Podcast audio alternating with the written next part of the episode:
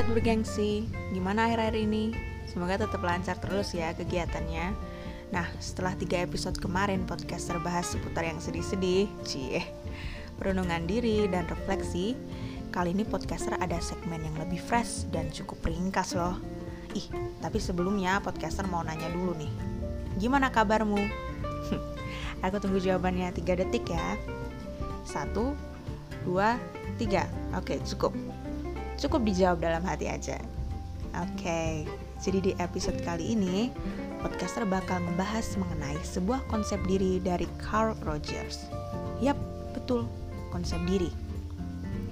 Buat sobat bergengsi dari psikologi, pasti udah nggak asing lagi kan? Nah, tapi buat sobat dari luar psikologi, berat tahu nggak nih, sebenarnya konsep diri itu buat apa sih? Nah, simpelnya, konsep diri ini tuh bakalan ngebantu kita buat kenal diri sendiri. Jadi kita akan paham apa yang harus kita lakukan tanpa semrawut nggak jelas. Apa sebenarnya tujuan kita ngelakuin itu dan bagaimana agar kita bisa mencapai diri yang baik. Menurut Carl Rogers, contoh dari konsep diri itu ada dua loh. Jadi ada ideal self dan real self. Nah, real self itu menggambarkan keadaan diri kita yang nyata dan sebenarnya. Sedangkan ideal self itu didefinisikan sebagai keadaan diri yang kita inginkan atau idealkan. Nah, cukup simpel kan? Tapi kalau dikaji lebih dalam lagi, konsep diri ini tuh cukup menarik loh. Karena menyangkut banyak hal nih, seperti usaha, penerimaan diri, dan ekspektasi. Nah, jadi katakanlah gini, kamu saat ini umurnya 20 tahun dan kamu adalah mahasiswa biasa. Nah, di umur itu kamu nih pengen jadi orang yang luar biasa. Contohnya pengen jadi kayak Ariana Grande, Mark Zuckerberg, Bill Gates, Ultraman, Song Joong Ki, Captain America, dan sebagainya.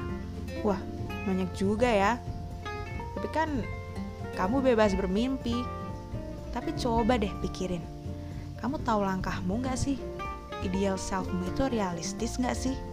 Kongruen gak sih sama real self kamu? Dan yang paling penting nih, kamu bisa mengusahakannya gak sih?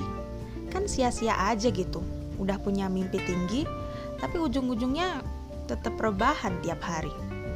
Mimpi udah bagus nih, udah cakep, udah keren, tapi ternyata usaha masih sayang buat bayar tenaga sama waktu. Dan ketika kamu udah di fase gagal buat capai salah satu hal yang kamu idealin, Terpukul banget nggak? Pasti, itu pasti. Walaupun usaha kita masih dikit, tapi karena at least kita udah berusaha, kita tetap bakal mikir gini, oh ini nggak adil, kok aku gagal lagi? Aku udah berusaha tapi kenapa aku tetap nggak dapet? Kenapa ya? Takdir nggak ngasih aku rezeki ini? Nah, orang yang usahanya dikit aja kesel, apalagi yang udah mati-matian usaha tapi tetap gagal, kan kesel banget nih pastinya. Nah, kalau sampai masalahnya udah ngerambat ke bagian ini, eh, tapi sebentar dulu deh. Podcaster ada satu kutipan bagus nih buat kalian. Kalau aku gagal, bukan berarti aku stop. Buat kutipan dari siapa tuh? Hah, ya dari naratornya dong. Oke, jadi kalau udah di kondisi ini, self love dan self acceptance itu penting banget loh, gimana caranya agar kamu bisa nerima diri sendiri. Bukan hanya menerima keadaan ya, tapi juga bagaimana caranya agar kamu itu bisa paham dan tetap menghargai dirimu sendiri di keadaan paling buruk sekalipun. Kamu adalah diri yang baik dan kamu adalah diri yang unik. Dan satu lagi, kamu itu bukan diri yang sempurna. Oh ya, ada satu lagi nih kalimat yang semoga aja bisa diinginin hati kamu kalau sewaktu-waktu pengen denial sesuatu yang sulit untuk dikendaliin. Jangan engkau bersedih, sesungguhnya Allah bersama kita. Nah, itu adalah bagian dari surat At-Taubah ayat 40. Jadi, kalau emang kondisi saat ini kamu masih sakit hati karena hasil tertentu, silahkan dirasakan sakit hatinya. Tapi sebentar aja ya, nggak perlu lama-lama. Kembangkan self-love dan self-acceptance. See you!